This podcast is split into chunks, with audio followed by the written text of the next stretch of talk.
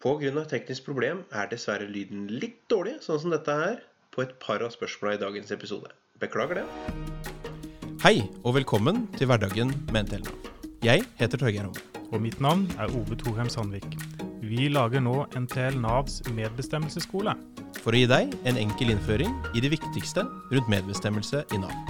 Så hvis du er ny som tillitsvalgt, Eller litt gamlere tillitsvalgt som trenger oppfriskning på basicen, eller hvis du bare er litt interessert i medbestemmelse, så er dette noe for deg. Hei, sjef. Jeg vil eh, gjerne ha mer i lønn. Hei, Ove. Jeg, jeg tror ikke jeg vil deg noe i år. Jobb litt hardere framover, så skal jeg vurdere neste år. Ja, Men jeg har jobba knallhardt i år.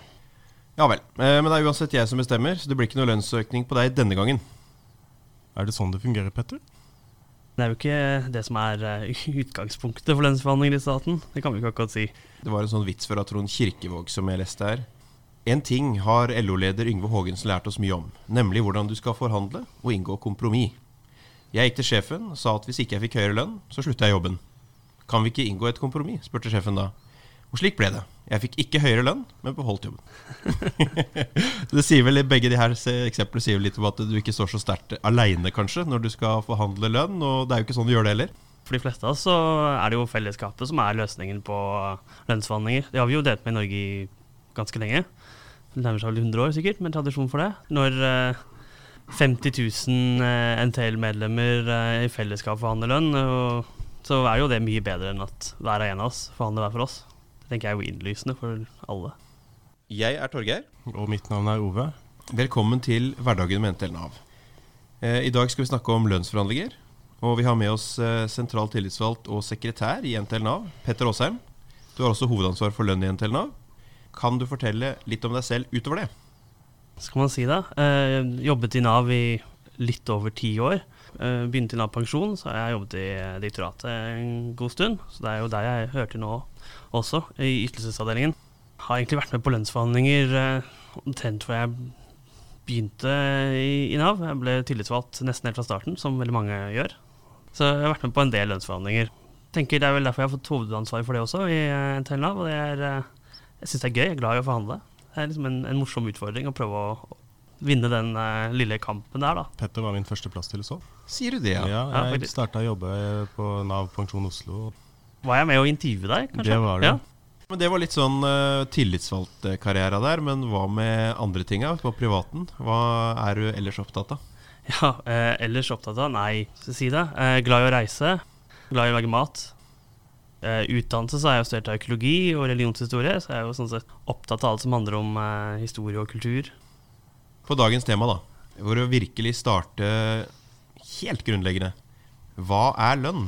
Det er jo egentlig ganske enkelt. At du bytter jo arbeidskraften din som enkeltperson mot uh, betaling i et eller annet. Det er jo hjernen vår vi egentlig får betalt for i Nav. Uh, og det får vi jo da noe tilbake for, uh, som nå typisk er penger, da. Etter å ha forhandla i flere år, faktisk, så blei vi enige om en ny lønnspolitikk for Nav i januar 2019. Eh, hva er det viktigste som står i den? Det står ting som at man skal ha mm, Det skal ikke være forskjellig lønn fordi man er eh, det ene kjønn eller det andre kjønn. ikke sant? Sånne type ting. Litt sånn generelt. Men jeg tenker det aller viktigste er eh, ved nye ansettelser. Vi har blitt enige om at man ikke skal ansette førstekonsulenter under et visst lønnsnivå.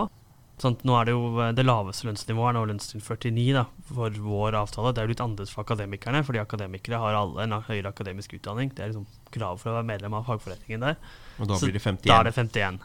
Og det vil jo være for veldig mange som blir medlemmer i NTL, eller for den saks skyld Unio også, da. eh, At man har en høyere akademisk utdanning. Og da er lønnstrinn 51 det minste man kan ansettes på. Og det er sikkert mange som tenker at det er en ganske lav lønn. Eh, Men vi har ansett folk mye lavere enn det i, i Nav i mange år. Og det, eller har gjort det fram til lønnspolitikken ble signert, da, som var vel 21. januar i fjor. Hva er høyere akademisk utdanning? Ja, det er jo minst fire år på universitet og høyskole. Det er vel egentlig CanMag tilsvarende. Det finnes en liste med alle gradene som gir det i Statens personalbok. Så hvis man virkelig lurer på om man har det eller ikke, så må man jo slå opp der og se. Så for rådgiver så skal man ikke bli ansatt eh, lavere enn 52, eller 55 da, hvis du har høyere akademisk utdanning. Jeg har uh, snakka med noen ansatte som reagerer litt på at vi har blitt enige om dette, fordi de har vært ansatt lenge i etaten, har lavere Og da reagerer kanskje litt på at de som kommer inn helt ferske, får en høyere lønn enn de har. Eh, og det kan jeg jo på en måte skjønne, men hvorfor har vi gjort det her allikevel? Og hvorfor er dette et viktig grep? Vi hadde jo utgangspunktet ønsket at alle skulle ha lønnstrinn 49 eller eh, 51, da. Grunnen til at vi allikevel syns det er greit å ha en sånn minstelønn for nyansatte, er at vi trenger ikke bruke penger på de helt i starten i lokale lønnsforhandlinger. Og I tillegg så er det jo med å presse opp lønnsnivået generelt da i etaten. Og så er det jo viktig å eh, ansette folk på liksom en an- anselig lønn i starten, i hvert fall. da. Eh, Det er jo ikke noe grunn til å gjøre samme feilen igjen og igjen og igjen. For de som ligger lavere, så er det kanskje gode argumenter her for at de skal eh, bli heva. Og så må vi ta den jobben i forhandlingene. Ja. Og få heva resten også. Helt klart. Helt klart. Og det ligger jo i NTL sin lønnspolitikk at vi mener det skal være ganske lik lønn, sånn, og man skal ha lønnsutvikling over tid. Hvis det er noen som ligger under lønnsnivå 49 i dag, har jobbet en del år i etaten, så er det jo naturlig at de blir prioritert i forhandlinger. Det, Helt enig. Og det her kan heller være et grep for å få heva folk. Vi må tenke litt forskjellige måter for å få heva lønnen til medlemmene. Men selvfølgelig skulle vi gjerne ha sett at det ikke var noen i førstekonsulent f.eks. som lå under 49. Eh, det var en ting til eh, som jeg syns er veldig viktig i lønnspolitikken, som jeg tror vi må snakke om. Og det er det er et vedlegg til lønnspolitikken med lister over eh, stillingskoder vi kan ansette folk i. Og der er det lagt inn en ganske viktig poeng. Når vi lyser ut stillinger i, Nav, da, så er det jo veldig vanlig at vi krever høyere utdanning. Og det står nå i lønnspolitikken at det også skal åpnes for annen relevant kompetanse. Eh, og det er for oss kjempeviktig. Det finnes folk som har høy utdanning og gjør en god jobb, og det finnes folk som ikke har den høye utdanning, men har veldig mye erfaring som vi har behov for. Så hvorfor skal vi ikke ansette dem med, med erfaringen hvis de er den beste kandidaten? Det er et veldig viktig prinsipp, som var liksom NTL, sitt, en av NTL sine hovedsaker da, inn, i, eh, inn i forhandlingen om lønnspolitikk. Når vi ansetter, så skal det stå eh, relevant arbeidserfaring kan kompensere for utdanningskravet. Ja, Vi helt klart. får inn alle de gode søkerne. Det skal alltid stå. Det vi kan eh, konkludere med, er jo at eh, eh, lønnspolitikken er veldig viktig for oss og plasstillitsvalgte å kjenne til, og finnes på Navet. Det stemmer. Hvordan forhandler vi lønn? Vi sier at det er, eh, det er jo noen steder vi kan forhandle lønn. Vi har jo disse sentrale lønnsforhandlingene, som er én gang i året, hvor eh, LO Stat, da, som eh, NTL og NTL Nav er en del av, forhandler på vegne av oss. I staten så er det jo litt rart, fordi lønnsforhandlingssystemene i hvert fall mitt hode er jo lagt opp liksom, mot private bedrifter, hvor man har en liksom, En privat bedrift har et overskudd, og så får de ansatte en, en del av overskuddet til bedriften. Sånn er det jo ikke helt i staten. Der er det jo ikke noe overskudd. Hvordan setter man egentlig lønnsnivået i staten? Så i Norge så har man jo da frontfaget, som er eh, basert på Eller man starter lønnsforhandlingene i de private bedriftene som er konkurranseutsatt, industrien som er konkurranseutsatt. Um, for de har jo da et, et overskudd, og de har en konkurranse, de må, så de kan vurdere hvor mye de kan gi lønn basert på konkurransesituasjonen sin. Og det de blir enige om, det blir da satt som uh, utgangspunktet for lønnsforhandlingene i staten. Norsk industri, da det er bedrifter som Aker, Kværner, Norsk Hydro, Orkla og Statoil i sværingene. Ja. Og tanken da er at eh, det som de blir enige om, det er et lønnsnivå som, eller en lønnsøkningsnivå som norsk eh, økonomi tåler. da. Ja. Det er på en måte logikken eh, bak den. Så de gjør det først. Eh, og så er det de sentrale partene i staten som skal i gang etter det. da. LO Stat for oss, YS Stat, Unio og Akademikerne Ja. er de eh, partene. Så hva er det de eh, prater om? Ja, nei, De prater jo da i stor grad egentlig om eh, fordelingen av de pengene. Det er jo, la oss si at det er man i frontfaget Så de første forhandlingene da i, eh, i industrien er blitt enige om at Norge tåler 3% lønnsøkning. Det er jo sånn vært rundt der de siste årene. Så er det jo bestemt i stor grad at det er 3% Det er ikke sånn at eh, LO Stat alltid er enig i det, nødvendigvis. I hvert fall NTL har jo vært veldig opptatt av at vi har fått eh, en lavere lønnsutvikling i staten enn det man har hatt i privat næringsliv.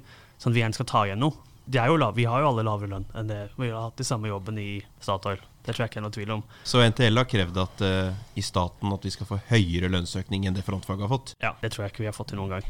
Det tror jeg ikke. Men jeg tenker det er gode argumenter for det. Tidligere så kunne man argumentere med at vi hadde så veldig god pensjonsordning, f.eks. Og det kanskje dekket opp for en del av um, manglende lønn, men det er jo eh, kanskje ikke alle som er enig i det er realiteten nå lenger, da.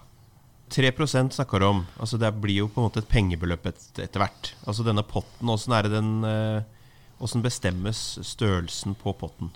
Ja, nei, Det er jo basert på lønnsmassen til de ansatte da, i staten. Eh, snittlønn i Nav er jo sånn rundt 500 000, vel. Lønnstrinn 54 ca. Det er vel sånn rundt 500 000. Så det er jo det som er sant? lønnsmassen er ganget med 20 000, eller ja, nei, vi er jo 14 000 statsansatte, da. Kan For Nav sin del sånn cirka. Mm. Så det er jo pottens størrelse totalt. I løpet av forhandlingen da, så blir man enige om man skal gi sentrale tillegg. Sant? Man kunne jo gitt en sum til alle. Det gis jo generelle tillegg. De, eh, I 2019 så var det vel sånn rundt 6000 kroner eller noe sånt. Sånn for normal, for en vanlig ansatt i Nav, da. Eh, men det er jo lavere enn eh, enn inflasjonen, så det er jo en reallønnsnedgang. Får du én krone hvert år, så er jo ikke det lønnsutvikling. Ok, Greit, det er jo sånn formelt sett det, men det blir jo liksom lek med ord i så fall. Du nevnte generelle tillegg, Petter. Hva er egentlig et generelt tillegg? Ja, generelt tillegg er eh, når man eh, i ja, når LO Stat da, forhandler med arbeidsgiver, som da er KMD, hvis de blir enige om at alle ansatte i staten skal få la oss si 10 000 kroner i lønnsøkning, så får alle det. ikke sant? Et generelt tillegg. Og Det kan være i kroner, det kan være i prosent. Ofte så har det vært at eh, alle skal få 1,5% lønnsøkning f.eks., og så resten av det, disse 3% da, går til lokalforhandlinger. Eller det kan være sagt, et kronebeløp. NTL, eh, NTL og LO Stat vil jo typisk kreve et kronebeløp. For at eh, det er forskjell på lønnstrinnene.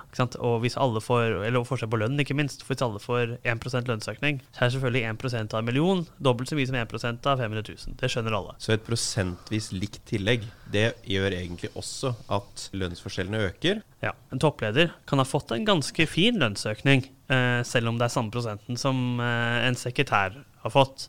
Men fordi de er såpass stor forskjell i lønn? Det kan jo være nesten tre ganger så høy lønn på direktøren eh, i et fylke som eh, de som sitter på arkivet. Da har den jo fått tre ganger så høy generelt tillegg. Så kanskje ikke den trenger noe eh, i disse lokale forhandlingene, da. Men hvorfor har vi disse prosentvise tilleggene da, hvis de, vi mener at de er urettferdige og at de øker lønnsforskjellene? Hvorfor har vi ikke kronetillegg, sånn at alle får det samme lønnsøkninga? Ja, nei, Vi kan jo enkelt og greit si at vi burde vært mange flere medlemmer. Det hadde vi ikke hatt det. Fordi eh, NTL krever jo alltid eh, kronetillegg, og LO Stat, men vi er jo ikke alene. Eh, det finnes andre fagforeninger som eh, tenker at prosent er, eh, er greit. Og så vil arbeidsgiver typisk kreve prosent. Helt hvorfor er ikke så lett å forstå, egentlig. Eh, fordi det er en en annen tanke om at eh, 1 er 1% men som eksempelet viser, da, så er det jo selvfølgelig ikke det. Hvis vi har organisert kanskje 60-70% av alle ansatte i Nav, så hadde vi jo sikkert hatt kronetillegg. Da hadde vi fått eh, gjennomslag for det. Folk er forskjellige på hvordan de tenker om lønn. Vi tenker jo at her burde vi prøve å se på hvordan kan vi minske forskjellene. Mens andre har en helt annen logikk. De tenker at hvis du har høy lønn fra før, så fortjener du høyere lønnstillegg også. Og hvor den på en måte logikken helt slår inn, det er jeg veldig usikker på, men sånn er det. Ja, nei, ja, sånn er det. Det er dyrere å eie en Porsche enn å eie en uh, Lada, kanskje. Jo rikere man er, jo mer utgifter har man. I sammenheng med lønn så er det jo et uh, sentralt dokument som, uh, som også forhandles det er gjerne annethvert år. Jeg tenker på hovedtariffavtalen. Ja. Kan du si litt om det? Det er jo forhandlinger hvert år, men annethvert år så er det jo hoved... Så er det jo Hva kaller vi det? Hovedforhandlinger? Nei. Hovedoppgjør. Hovedoppgjør, ja. Uh, og da ser man også på hele hovedtariffavtalen, som inneholder jo masse annet enn bare ren lønn. Pensjonsrettigheter, uh, reise til og fra jobb. Altså, det kan jo være alt der som handler om penger, egentlig. Og rettigheter kan vi jo putte inn i, i hovedtariffavtalen vår. Så det er jo ikke bare lønn, mens de mellomoppgjørene, som er liksom annethvert år, uh, der er det jo bare lønn i utgangspunktet man snakker om.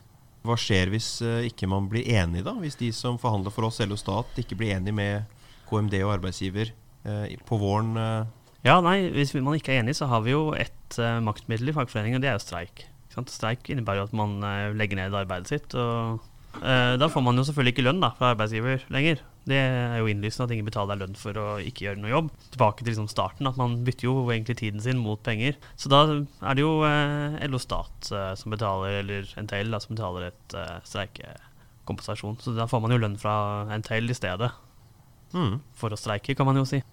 I, i sammenheng med streik, eller trussel om streik, da, så er det jo et aspekt ved da, i mai som jeg syns er helt fantastisk. Viser hvor sivilisert det norske samfunnet er. Vi lager en avtale hvordan forholdene under streiken skal være. Her skal vi gå til den mest kraftige kampen som er- skjer i norsk arbeidsliv. Og så regulerer vi det med en egen avtale om hvem som skal tas ut, og at noe av hovedtariffavtalen likevel skal fungere. og... eh, Det har jo fungert veldig bra da i Norge. At man har Mm. hatt en sånn type fred imellom eh, faste tider til streik. Eller åpning for streik, i hvert fall. Så det har jo fungert bra i forhold til en del andre land hvor det, når det begynner å bli sol ute og litt varmt på våren, så er det plutselig streik. Ja, det er jo ryddige former i Norge. Ja, det er det. Du er jo glad i Frankrike, og der har de litt annen uh, kultur for det. Ja, ja, nei, nå har de vel streiket en måneds tid nå i tog- og T-banesystemene i Frankrike. Så det er jo pensjon de streiker om der, da. Det, sånt skjer jo ikke i Norge, så det er på godt og vondt, for så vidt. Det er sikkert noen som syns det er fint å kunne streike hele tiden, men eh, det har jo konsekvenser, det òg, da. Jeg har et medlem som er litt frustrert over at vi aldri er ute i streik. Så. Ja. ja, det er klart vi er jo lite i streik i, uh, i staten. Det er vi jo. Man må kanskje streike innimellom for at det trusselen om streik skal være en reell uh, trussel. Men altså i de sentrale forhandlingene da, på våren, så har man blitt enige om en prosent lønnsøkning. Ja.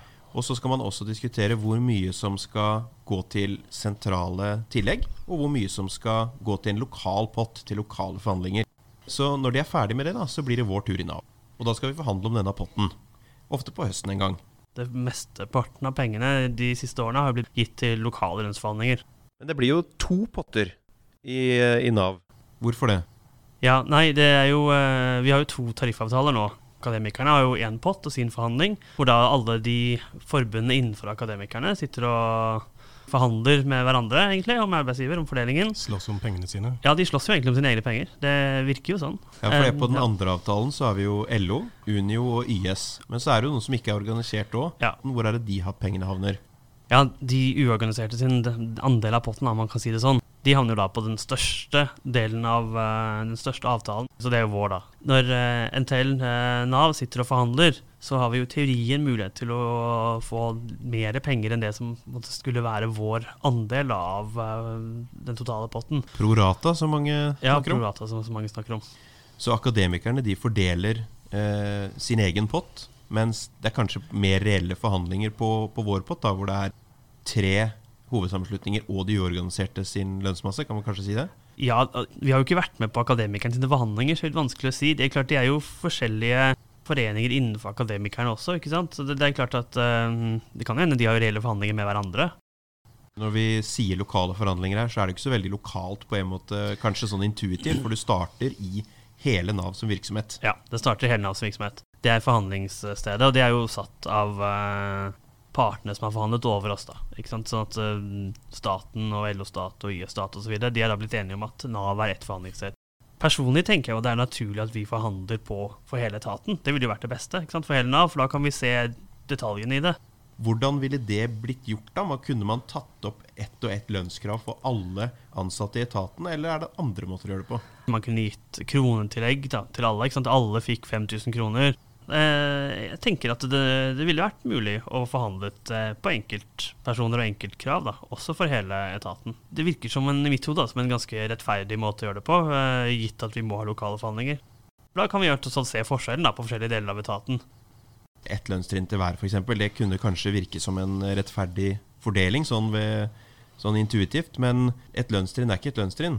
Altså Forskjellen på lønnstrinn 45 og 46 er 6000 kroner. Og forskjellen på 90 og 91 er 22 600 kroner. Ja. Så det er også litt viktig å huske på. da Å fordele ett lønnstrinn til alle betyr ikke nødvendigvis at du oppnådde en rettferdig fordeling i, i oppgjøret. Nei det, nei, det stemmer. Det har man ikke nødvendigvis gjort. Et av alternativene er å delegere forhandlingsmyndigheten et ledd lenger ned. Så det går an. Det går an å gjøre. Det er et av alternativene. eh, og det har jo eh, stort sett blitt gjort i Nav. Eh, Og Hvilket nivå er det? Hvem er det som får ansvar for å forhandle da? Ja, er det det er hvert enkelt Nav-kontor. Nei, det er det jo driftsenhetene, så det er det jo typisk hvert fylke. Arbeid og ytelser er ett, familie og pensjon er ett. Så man bestemmer om man skal delegere ut eller ikke. Er det andre ting man snakker om eh, i eh, de lokale forhandlingene sånn når vi starter for hele Nav? Ja, i teorien kan man jo snakke om veldig mye. Det er jo rom for å delegere, eller fordele litt mer penger til enkelte områder, f.eks. Så vi kan gi litt mer penger til Akershus fylke. Nå finnes jo ikke det lenger, da. Nå heter det vel eh, Øst- eller Vestviken for oss. Men man kan eh, gi litt mer penger dit. Hvorfor skulle man gjøre det, da? Hvis det er noen deler av etaten som har lavere lønn enn andre. Jeg tenker Noe av poenget da, med å ha hele etaten som forhandlingssted, må jo være nettopp det å se forskjellen mellom eh, deler av Nav. Det er klart, Har man forskjellige oppgaver og forskjellig ansvar, så kan man ha forskjellig lønn. Men det er veldig mange deler av Nav som har veldig like oppgaver. Eh, og da bør de jo ha veldig lik lønn, da. Etter NTL eh, sin oppfatning, i hvert fall. Og det, viser det seg at det er veldig lav lønn et sted, så tenker vi at det er naturlig at de da kan få litt mer penger for å rette opp i det. Hvis man skal prioritere, så må Ja. man sette opp noen eh, kriterier for hvem som skal prioriteres. Ja, det er helt riktig. Og det er jo eh, en av de tingene vi kan bli enige om på etatsnivå, da, er eh, kriterier. Men kriterier er vi jo avhengig av at vi er enige om, da. Det har vært litt forskjellig. Noen ganger har det kommet kriterier eh, fra sentralt hold ned, ned, og andre ganger har det ikke kommet noen kriterier. Hvis ikke vi blir enige om kriterier, så er det naturlig at vi i NTL-NAV forteller våre tillitsvalgte som skal forhandle, hva vi mener er eh, naturlige ting å, å fokusere på, på lik linje som arbeidsgiver eh, sier det. Så er det sannsynligvis ikke det samme, da. Våre meninger bygger vel ofte på uh, prinsippet handlingsprogrammet til NTL og NTL Nav. da. Ja, det gjør det jo. ikke sant? Og så lager NTL eh, en lønnspolitisk uttalelse som vi også har, som sier noe om det. Det, det finner man jo på nettsidene til NTL. Så hvis partene er enige om det sentralt i Nav, så kan det gå ut noen føringer som alle ute som forhandler om Ja. pengene, skal forholde seg til. Lønnsforhandlinger var et så omfattende tema, og det var så mange ting vi ønska å snakke om, at vi deler denne episoden i to. Nå er del én ferdig. Del to vil handle om delegerte forhandlinger og plasstillitsvalgts rolle i lønnsforhandlinger. Ove kunne dessverre ikke være med på episode to, da han var opptatt med forberedende møte i Nav arbeidsytelser. Høres snart igjen. Takk til deg som hørte på. Hvis du har spørsmål eller kommentarer, Ris eller ros, så er vi veldig takknemlige om du sender en e-post til torgeir.homme alfakrøll nav.no. Vi høres.